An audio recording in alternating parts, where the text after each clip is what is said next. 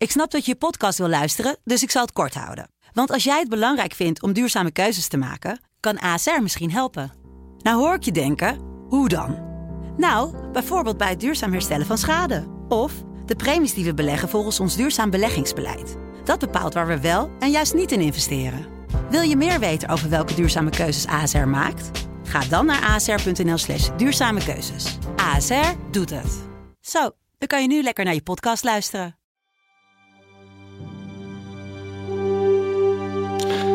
Dit is Delta Tango, de defensie- en internationale veiligheidspodcast van de Telegraaf. Welkom, mijn naam is Olof van Jolen. Vandaag gaan we het niet hebben over grote internationale kwesties, zoals de Chinese expansiedrang. We gaan het ook niet hebben over de nieuwe vrachtwagens van de krijgsmacht die niet onder een viaduct blijken te passen. We gaan inzoomen op het niveau van de enkele militair. Om precies te zijn dat van de schrijvende militair of de militaire schrijver.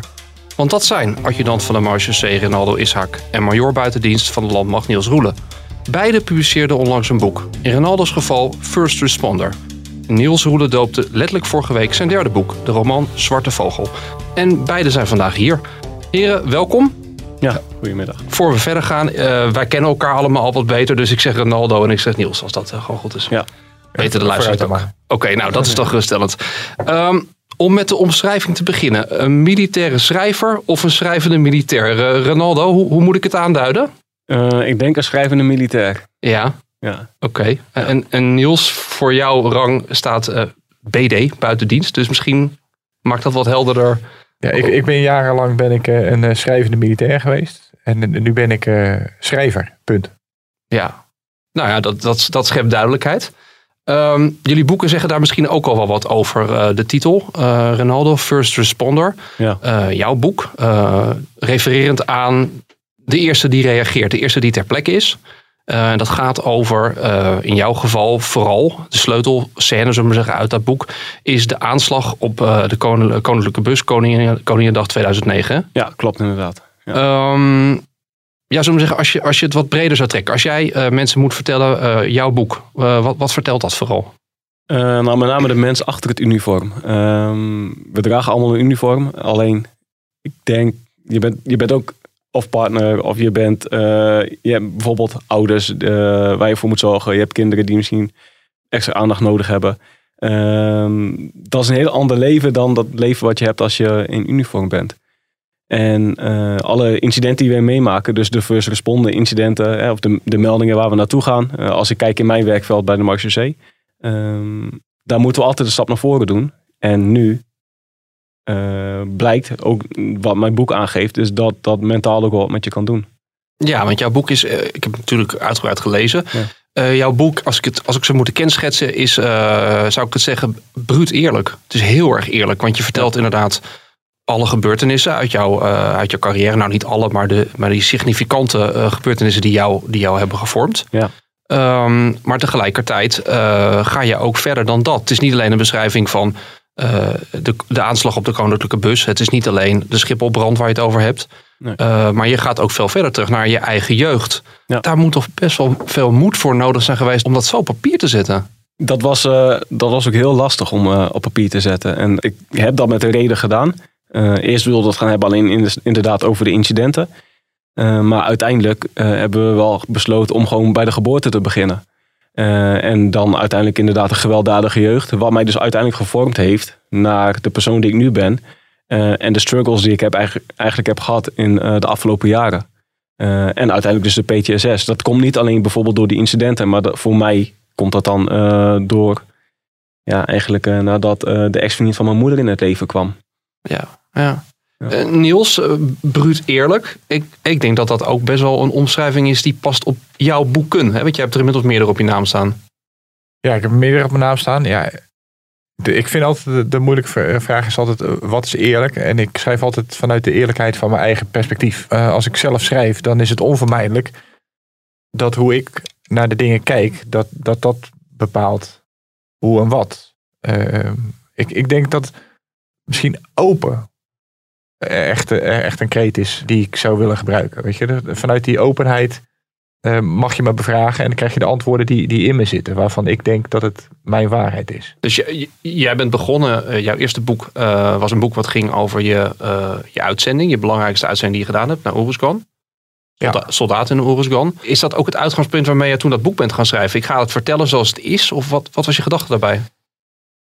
Ja, bij, mij begon het toen, ik had destijds voor Defensie een, eh, een weblog bijgehouden. En daar, daar schreef ik wekelijks, eh, soms eh, twee, soms zelfs drie keer per week schreef ik gewoon een klein verhaaltje over dingen die, die daar gebeurden. Eh, soms sta je ergens en dan ben je onderdeel van iets omdat je daar bent. Niet omdat je daarvoor gekozen hebt. Je, bent ervoor, je hebt ervoor gekozen om, om daar te zijn, maar niet voor die gebeurtenis. En al die gebeurtenissen heb ik op papier gezet. En toen dacht ik, ja, ik heb het eigenlijk wel verteld. En toen kwamen er eigenlijk nog veel meer vragen over, eh over Oeruzkan, over die missie. Over eh, mensen die hun zoon, hun vriend, hun partner daar hadden gehad. En die stelden ze aan mij. Ik denk, ja, eh, het enige wat ik nog kan doen, is gewoon een heel verhaal neerzetten over wat houdt zo'n missie nu in. En, en in die zin verschilt mijn boek dan van dat van Ronaldo, omdat het gaat over een missie. Ja. En vier maanden beslaat. En niet, niet mijn hele leven. Dus maar, ja, daar heb ik gewoon wel geprobeerd om zo feitelijk mogelijk te zijn. Ja, en als je eh, kijkt naar, naar de stappen die je gezet hebt, want na uh, Soldaat in Oeruzkan heb je een vervolg geschreven en nu eh, Zwarte Vogel, echt een, Ja. een roman. Ja. Maar volgens mij ook wel een roman met nog steeds een, een stevige militaire kern. Ja, en, en, maar daar zit de eerlijkheid veel meer in de. eh, er, zit, er zit een militaire basis in Zwarte Vogel. Eh, eh, beide hoofdpersonen beginnen op de KMA, gaan daar samen roeien en daar ontstond een, een hele dikke vriendschap. En de eerlijkheid zit in, in het verhaal van vriendschap. Niet, niet in de gebeurtenissen zoals ze plaats hebben gevonden, maar in de, in de vraag die eronder ligt. Van wat, is, wat is nou eigenlijk vriendschap? Waar begint dat? Waar eindigt dat? Tot hoe ver gaat het? En, en waarom hou je dat wel of niet vol? En, en daar vind je dan, denk ik, eerlijkheid in het thema en niet zozeer in de, in de feitelijkheden. Nee, maar is het, eh, het is wel een boek waarvan ik me kan voorstellen dat mensen die in de militaire wereld actief zijn, eh, dat heel erg herkennen. Ja, maar het zou ook raar zijn als dat niet zo is. Nee, nee maar ik bedoel, je bedoelt zeggen van, van jouw boek, het is een roman, maar het is nog steeds een, een, een militair verhaal. Zullen zeggen. Daar zit een hele, eh, de thematiek is, is sterk ge- gerelateerd aan, aan de krijgsmacht, aan het werken bij de krijgsmacht. Nou, ik denk dat je dit zou kunnen verplaatsen naar eh, een, eh, een groep studenten. Als, je, als je kijkt naar Soldaat van Oranje, dat is misschien eigenlijk ook een militair verhaal, maar dat begint op die, op die sociëteit ergens in, in, in Leiden. En daar ontstaat een vriendschap tussen een aantal mensen en die trekt, eh, trekt door een oorlog eh, heen en maakt het verhaal van Erik of Roelsma in, in, wie die, in wie die is. Dus in die zin, ja, Kijk, ik heb gekozen voor het militair omdat ik van daaruit makkelijk kan schrijven. Dat is een omgeving die ik ken. En sommige dingen die moeten gewoon kloppen. Ik bedoel, als ik in Amsterdam loop en ik zie de Eiffeltoren, als je dat beschrijft. Dat kan als je een absurdistische roman eh, schrijft. Maar de meeste mensen zullen zeggen, de Eiffeltoren die staat niet in, eh, in Amsterdam. Nee, nee. Omlijsting in een roman moet kloppen. Ja. Alles daarbinnen moet geloofwaardig zijn. Ronaldo, jij hebt, jij hebt eh non-fictie geschreven. Ja. Eh, gewoon jouw jouw eigen verhaal. Ehm, hoe is dat gevallen? Want dat is natuurlijk toch ehm, heel spannend. Zeker als je zo kwetsbaar dat vertelt. Ja, ehm, dat vond ik ook heel spannend. Ik was ook heel benieuwd naar de reacties. Maar het zijn er echt heel veel geweest. eh, en tot nu toe eigenlijk allemaal heel positief. En wat ik wel heel erg merk, wat ik ook in mijn boek aangeef, is ik heb ehm, ehm, een traject doorlopen. Eh, bij een psycholoog heb ik eh, rondgelopen. bij een psycholoog, ik heb een traject aan gehad. Maar dat paste niet bij mij. En wel praten met lotgenoten, dus collega's die ook PTSS hebben of misschien mentale gezondheidsproblemen. En ik merkte door alle reacties die ik kreeg, en dat zijn er echt een aantal duizend, eh, die mij berichten stuurden met hun eigen verhaal. Oh. En snapten precies wat ik bedoelde. Ik had toevallig nog gisteren eh, contact met een uh, ambulancemedewerker. Die zei, ik zag jou bij een tv-programma. En ik heb nu, na acht weken of zeven weken, heb ik besloten om jou te contacten. Wilde ik toen al doen, alleen ik weet, je zal wel heel druk zijn. Maar ik wil graag even met jou praten. Ik wil het er even over hebben. Want ik heb ook last ergens van. En ik denk wat jullie hebben gedaan met uh, Blue Spot, wat we hebben opgericht. Dus, uh, een uh, lotgenotengroep voor uh, psychisch en lichamelijk gewonde collega's.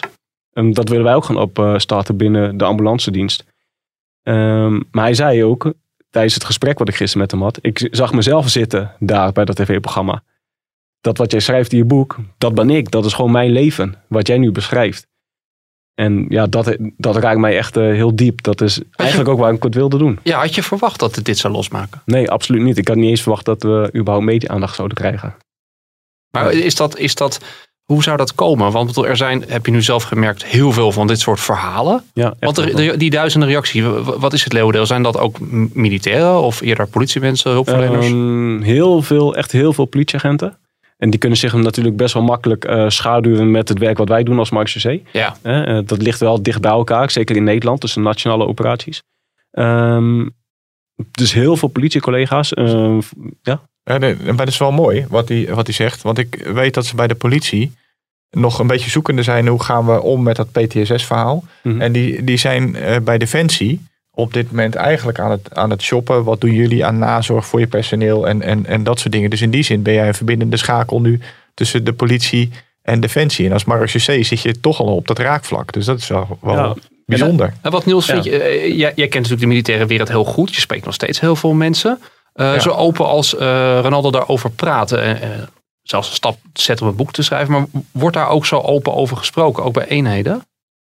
Ja, dat, dat verschilt denk ik per eenheid en, en, en, en commandant ook vaak. Ehm, hè, hoe is de werksfeer op een...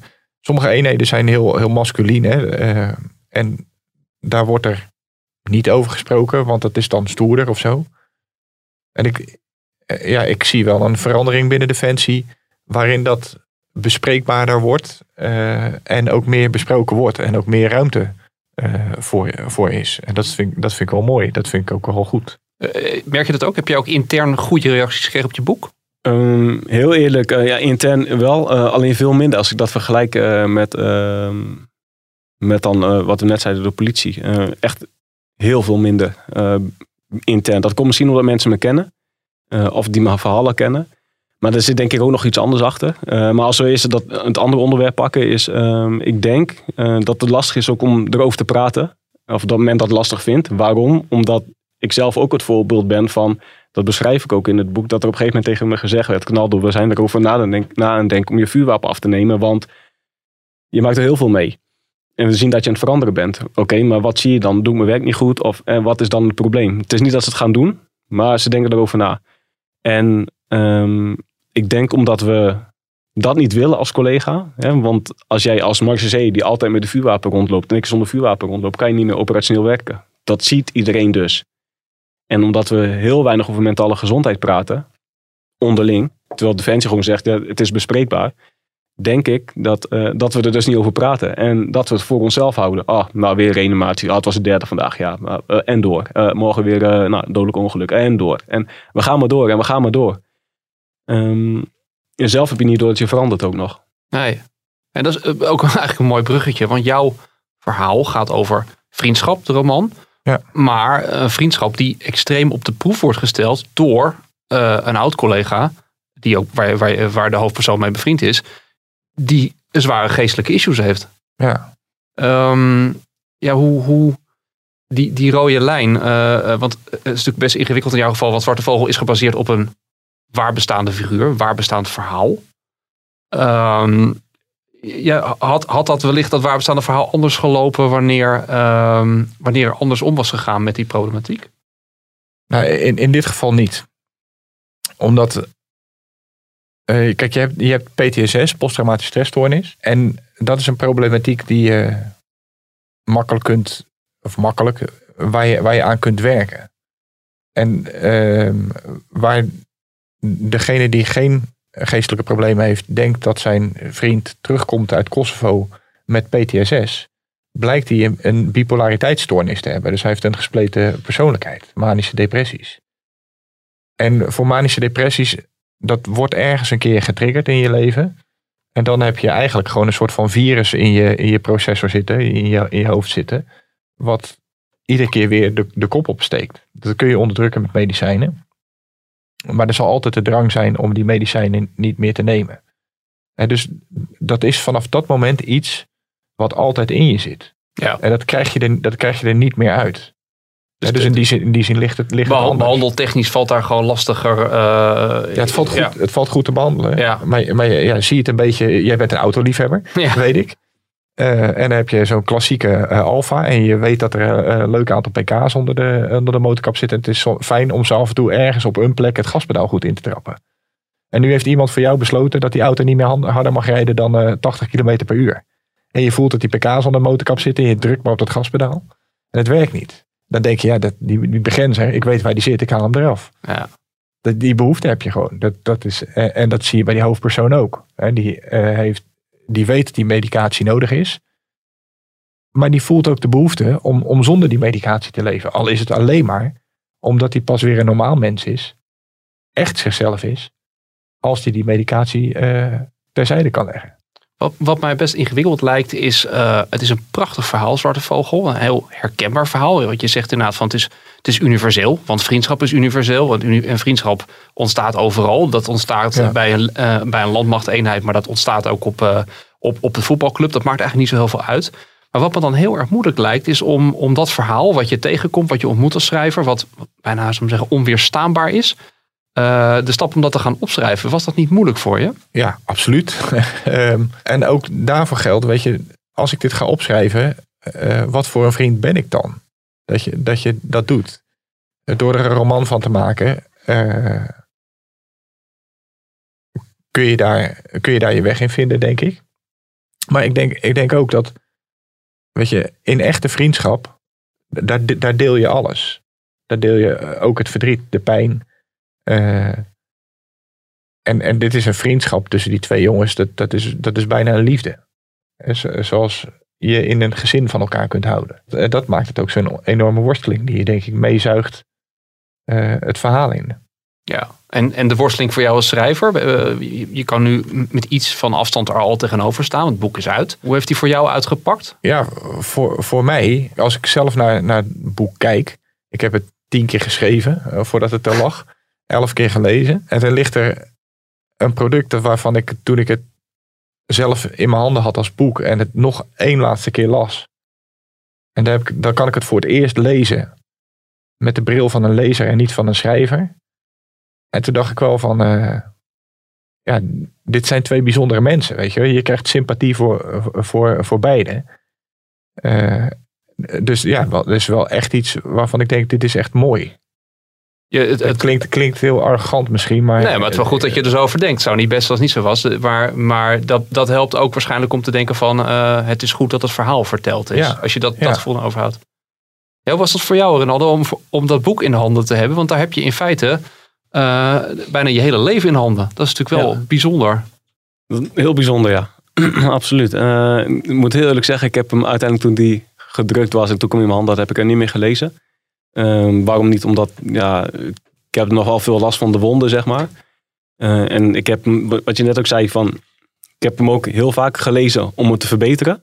Hè, om dingen aan te passen of namen die niet klopten of en dat we daar naar aan het kijken waren. Maar het echt lezen heb ik nog niet gedaan, omdat ik gewoon weet dat ik daar echt last van ga krijgen.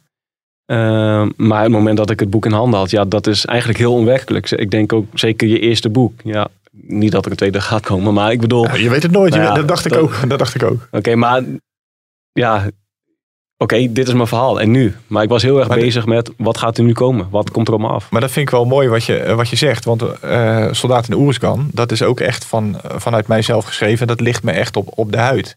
Mhm. En dat eh, sla ik liever ook niet, eh, niet open. Weet je. Ik, weet, ik, weet, ik weet zo goed wat daarin staat. En daar heb ik een heel andere afstand toe. Tot wat ik, wat ik nu geschreven heb, Zwarte Vogel. Omdat het echt een roman is. En dan gaat het om de rode draad in het verhaal. En niet om de gebeurtenissen. En Ja. in, je, in jouw boek, First Responder, gaat het natuurlijk om de, om de gebeurtenissen. En die gebeurtenissen heb je helemaal doorleefd. Ja. En die hebben je gevormd. En die hebben, je, die hebben krassen op je achtergelaten. Wordt dat manifester als je het op papier terugziet? Of, of is, het, is het hetzelfde als dit, dat ik wij spreken, als ik het hardop uitspreek? Is het hetzelfde voor jou? Je bedoelt als je het gaat voorlezen of als we het erover hebben? Nee, of, maar, maar het- ik vind het interessant dat je zegt van ik kan mijn eigen boek, eh, ik heb moeite om dat te lezen. Ja. Ehm, in de zin van dat het dan misschien, dat het er dan echt is. Is, is dat het of zo? Nou, ik denk met name de, de verhalen die daarin zitten. Kijk, eh, eh, ik heb het direct doorlopen met PTSS. En, en de helemaal vanaf komen gaat niet gebeuren. Eh, de diepe dalen die ik gehad heb, daar, ga, daar ga ik ook niet meer naar terug. Alleen ik weet wel dat ik heel erg... eh, je kan in plaatjes, hè, zeker als je een boek leest, kan je eh, zeg maar je eigen verhaal maken in je hoofd. Ehm, maar dit is wel echt de werkelijkheid. Want ik lees mijn eigen boek, dus ik weet precies hoe het eruit ziet. En Je, dat je kan komt- er niet meer onderuit, dat idee. Nee, en het komt ook wel heel erg binnen. En waarom komt het? Daar ga ik vanuit, daar ben ik bang voor. Ehm, omdat ik heb nog heel veel woede naar een aantal mensen. Eh, en die gaan echt heel ver. En ik wil dat niet oprakelen. Ehm, als, wat ik ook aangaf, is dat ik 40 keer per dag aan de Koninginnedag dacht. eh, per dag. En werd er wel eens gevraagd, ja, hoe tel je dat? Nou, dat, op een gegeven moment heb je dat wel door. En dan noem ik een getal 40. Het kan ook 39 zijn, het kan ook wel 60 zijn. Ik weet het niet, maar dat was... Zo vaak dacht ik er wel aan. En eigenlijk wil ik niet meer tot op detail lezen wat ik daar eigenlijk gezien heb. Het boek is, is voor een deel een soort afsluiting. Eh, nou, niet helemaal, omdat ik natuurlijk nu heel veel lezingen geef. Dus eh, ik ben, heb het er nog wel heel veel over. Alleen, het staat, de lezing die ik geef is nooit hetzelfde. Omdat dat niet, het zit niet helemaal precies, de woorden zitten niet in mijn hoofd. Ik zie zeg maar, Go with flow. ja, het is het gevoel wat ik heb bij die lezing. Eh, Ik heb de laatste lezing gegeven, toen was ik heel snel klaar. En toen uiteindelijk in een nagesprek kwam eruit dat ik gewoon echt heel slecht had geslapen. Zo slecht dat ik echt heel veel hartklopping had en krampen. En ehm, dat ik echt dacht van oké, kom ik, word ik morgenochtend nog wel wakker. En daarna ging ik even een lezing geven. En ik heb ook wel eens een lezing gegeven. Daar was ik gewoon anderhalf uur aan het praten. En dan ging het tot op de detail. En dan was ik bijna mijn boek aan het voorlezen. Maar Wat, wat ik wel mooi vind. ehm, ik heb ooit, die jongen heet ook Niels, ik ben even zijn achternaam kwijt. eh, ook een eh, militair. En die heeft een boek geschreven, Oorlog in mijn kop. Ja. En die is op een gegeven moment bij, mijn, eh, bij mij thuis geweest. En die eh, vroeg advies van wat moet ik doen? Moet ik het in een romanvorm schrijven? Moet ik het later schrijven? Moet ik het zelf schrijven? En toen heb ik hem de voor- en de nadelen genoemd. En toen zei ik ook, wat jij nu zegt, met mijn eerste boek, ik schreef dat en toen dacht ik, nou voor mij kan nu het boek Oerisgang kan dicht. Waar ik me in vergist had, was dat er allerlei mensen zijn die je boek gaan lezen. En die leggen ineens je boek open op pagina 60, op pagina 80, op pagina... En dat leggen ze voor je neus.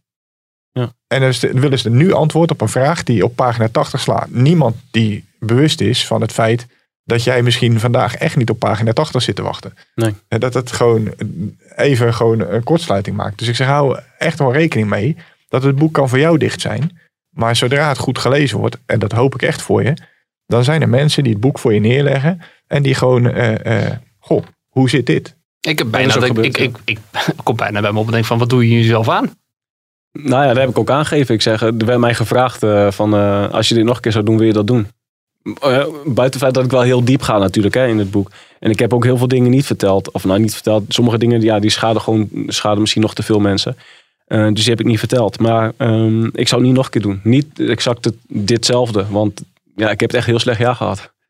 Ja, ja, dat, is, dat is heel heftig. Ja, je, je gaf al aan, voor mij geen volgend boek. Hmm. Eh, voor jou nog een, nog eentje weg. Want je zit nog een beetje in de, in de, in de afterglow van, eh, van de presentatie van Zwarte Vogel. Maar, maar zit er al wel een, voor jou een volgend boek in het hoofd? Ja, want ik was eigenlijk met een, eh, met een ander boek bezig. Eh, ook een roman, Zoon van de Nevel. Maar dit, dat verhaal Zwarte Vogel zat me in de weg. Dus het, ik heb Het al verhaal hele- was te sterk om niet verteld te worden meteen. Nee, ik kon me heel vaak niet focussen op dat verhaal, omdat ik zat te denken aan, aan Zwarte Vogel. Weet je, dus ik heb dat boek geparkeerd en ik ga over een maandje ongeveer eh, naar Frankrijk. Heb ik eh, een huisje gehuurd. En daar ga ik eh Zoon van de Nevel in een andere eh, vorm overigens opzetten. Want ik heb in dit boek ook weer heel veel dingen geleerd waarvan ik denk van oké, maar dat andere boek moet dan anders. Ja. Is, dat, is dat weer een boek waar, eh, waar militaire thematiek ook in zit? Nee, helemaal niet. Nou ja, het, eh, eh, in, in die zin. ehm, de, de hoofdpersoon is een, is een eh, autistische man. Eh, en zijn ouders die zijn fout geweest in de oorlog. Ja. En, en de opvoeding die hij van daaruit heeft gehad, heeft hem gevormd tot waar hij eh, waar die nu is. Tot hoe hij denkt, hoe hij doet. En hij zegt dat er niet van bewust. Eh, En in dit geval gaat het er ook om, om kunstroof. Eh, de Duitsers die eh, hadden een grote passie voor eh, kunst die niet entarted was. En Mhm. de entartete kunst die werd eh, verbrand. En de vader van de hoofdpersoon is een afgestudeerd, net afgestudeerd kunstenaar. En die komt in de in-crowd van Hitler terecht. eh, Voor mij als, moet je- als voor- adviseur. Voor mij moet je vooral niet nog meer weggeven. Want dan, Dus maar, maar, maar kijk, ehm, op de een of andere manier spelen oorlogen in bijna elke roman wel, wel een rol. Eh, Is er, als, je, als je nu kijkt, hè, ehm, de- er is in Nederland best veel op, dat, op de, ook het militaire vlak aan boeken. Ja. Eh, als jullie nou één onderwerp zouden moeten noemen, waar je zegt, nou daar, daar zou nou nog eens een boek over moeten komen. Hoef je niet zelf te schrijven, wat zou het moeten zijn? ga jij maar eerst. Ja, ja, ik, ik wilde bijna hetzelfde tegen jou zeggen. Klaar. Ja, ja, ja, dat is wel heel lastig. Deze, die, eh, daar moet ik echt even over nadenken. Ehm, ja, weet ik niet. Ik wilde eigenlijk zeggen, ja, wat we een inkijkje geven in echt het leven van ons als uh, Marxuseus in Nederland dan. Hè? Want heel veel over militairen gaat inderdaad over het buitenland. Ehm, en zover ik weet, durf ik niet helemaal vast op te binden, is dit de eerste keer dat iemand iets schrijft echt zo over de incidenten in Nederland, ook vanuit het uniform. Ehm, meerdere incidenten. Uh, ik weet wel dat er ook laatst een ander boek is uitgebracht vanuit de politie. Hè, met uh, uh, Louis de Sirenes is dat. Echt, jij, jij wil meer zeggen, je zou meer over de achtergronden van wat jullie doen en wie jullie zijn. Dat, dat zou je wel. wel ja, maar ook wat we meenemen naar huis. Ja. Want wat ik helemaal in het begin zei, de collega die uiteindelijk zijn uniform uitdoet en thuis misschien wel een gehandicapt kind moet verzorgen of nog zijn ouders moet verzorgen, die, die gaat, komt in een hele andere rol. Maar die kan op dat moment niet die reanimatie verwerken. Die kan op dat moment niet die vechtpartij verwerken. Uh, en de volgende ochtend, uh, ik had het laatst met iemand erover. Ik had een keer een dodelijk ongeluk. Er vloog de auto vloog er bij in de brand. Zo begint het boek ook eigenlijk. Hè? Um, maar de volgende ochtend staat ik met de reanimatie. Dus ik heb helemaal geen tijd gehad om. Dat was mijn volgende melding eigenlijk nadat ik had geslapen. Dus ik had geen tijd in die verwerking. Terwijl ik daar best wel bang was in mijn eentje. Omdat ik daar iemand uit een brandende auto probeerde te halen. En dat zijn, voor mij duurde dat een half uur. De jongens waren, de, de collega's waren er met twee, drie minuten. Ja.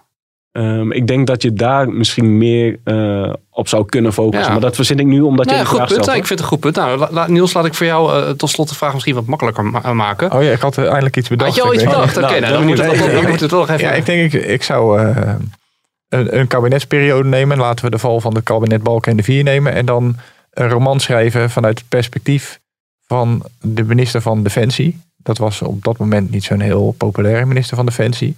En dan gewoon eens proberen uit te zoeken wat de verhalen zijn uh, in de Kamer. Hoe erover gesproken wordt. En dan eigenlijk die politieke besluitvorming in een roman bloot te leggen. Ah, nou, dat, ja. dat, dat, dat, klinkt ook, dat klinkt ook heel Dat boeiend. klinkt interessant, ja. Hey, uh, tot slot, um, jullie, jullie prijzen natuurlijk vooral, uh, en dat doen jullie heel goed, jullie eigen boek aan hier. Um, maar als jullie één militair boek zouden moeten noemen, wat, wat iedereen per se zou moeten hebben gelezen. Want we zijn onder ons, onder, onder geïnteresseerden. Ja, die, voor mij, en, uh, dat is Erich Maria Remarque. Am Westen niet Neues, dus geen nieuws van het westelijk front. Ja, fantastische klassieker. Ja, ja. ja. En, en als je dat leest en je leest eh, een boek over de tweede, zo'n soort verhaal over de Tweede Wereldoorlog, je leest zo'n soort verhaal over, eh, maakt niet uit welke oorlog. Als ik, als ik Soldaat in Oersgan lees en ik lees Remarque, dan, ik had het niet gelezen toen ik het schreef. En toch staan er dezelfde dingen in. En dan zie je eigenlijk hoe triest het, het leervermogen van, uh, uh, van de mensheid is. Ja. ja, dat is geen opwekkende gedachte. Maar, nee. maar het is een prachtig boek. Ronaldo, een boek waarvan jij zegt dat moet iedereen... Uh... Nou, ik heb toevallig laatst een boek gelezen van Edwin de Wolf. Oké, okay, ja, onze, onze eigen... Ja, ook ja en dat vond, dat vond ik echt een heel goed boek. Goeie dus, aanrader ook, absoluut. Ja, absoluut. Dus, en, uh, iemand die, en dat mooi is, Edwin is een, voor, voor de mensen die hem niet kennen, heeft een belangrijke rol in het Invictus team uh, ja. gespeeld. Uh, is, is, een, is een, een, been, een been kwijtgeraakt ja, tijdens missie in Bosnië. van het ja, ja. Ja. En, en heeft zich heel erg uh, herpakt. heeft nu een mooie baan bij het revalidatiecentrum in Doorn. Maar is ook een enorme motivator. Niet alleen voor militairen, maar ook mensen daarbuiten. Om, om met de gedachte, wat, wat kan je allemaal nog wel in, in dit leven? Ja. Nou, goede tip. Ik, ik vind het, ja, en gewoon de man zelf. Ik vind het gewoon... Edwin is absoluut ja, een hele... super, super leuk vent. Super leuk vent. Goeie, ja. goeie suggestie. Die moeten we, die moeten we ook ik, ik uitnodigen. Moet, ja. Ik moet bij Edwin vaak denken, er, er was zo'n fotomodel ooit. Die ook in een rolstoel uh, belandde. En, en, en dus gehandicapt raakte. En toen was, werd voor de radio ergens geïnterviewd. En het ging de hele tijd maar over de handicap. En zij praatte de hele tijd maar over wat ze wel kon. Ja. En ze zei, jij hebt veel meer last van een handicap. Ja, maar ik, ik, ik kan alles. Oh ja, ben je profvoetballer, ben je dit, ben je dat? Weet je, het gaat, er niet Mm. om, het gaat er niet om wat je niet kunt in het leven. Het gaat er inderdaad om wat je wel kunt. En dat is, dat is Edwin ook ten voeten uit, weet je wel. Ja. Uh, die heeft wat meegemaakt. Die heeft zichzelf eh, eh, uit de shit Herpakt, getrokken. ja. Herpakt. En, eh, eh, en nu ga ik dit doen. Nou, volgens mij meteen een eh, fantastische gast voor op de lijst voor een van de volgende afleveringen.